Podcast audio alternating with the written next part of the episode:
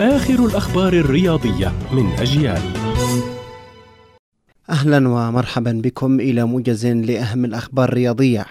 حقق منتخبنا الوطني لكرة القدم فوزا صعبا على منتخب منغوليا بهدف دون مقابل في مستهل مشواره بالتصفيات المؤهلة لكأس آسيا 2023 وسجل الفدائي الهدف الوحيد عبر نجمه عدي الدباغ من ركلة جزاء في الدقيقة الخامسة والثمانين. ويخوض منتخبنا خلال هذه التصفيات ثلاث مباريات بنظام التجمع حيث سيواجه اليمن في المباراة المقبلة قبل أن يختتم المشوار أمام الفلبين.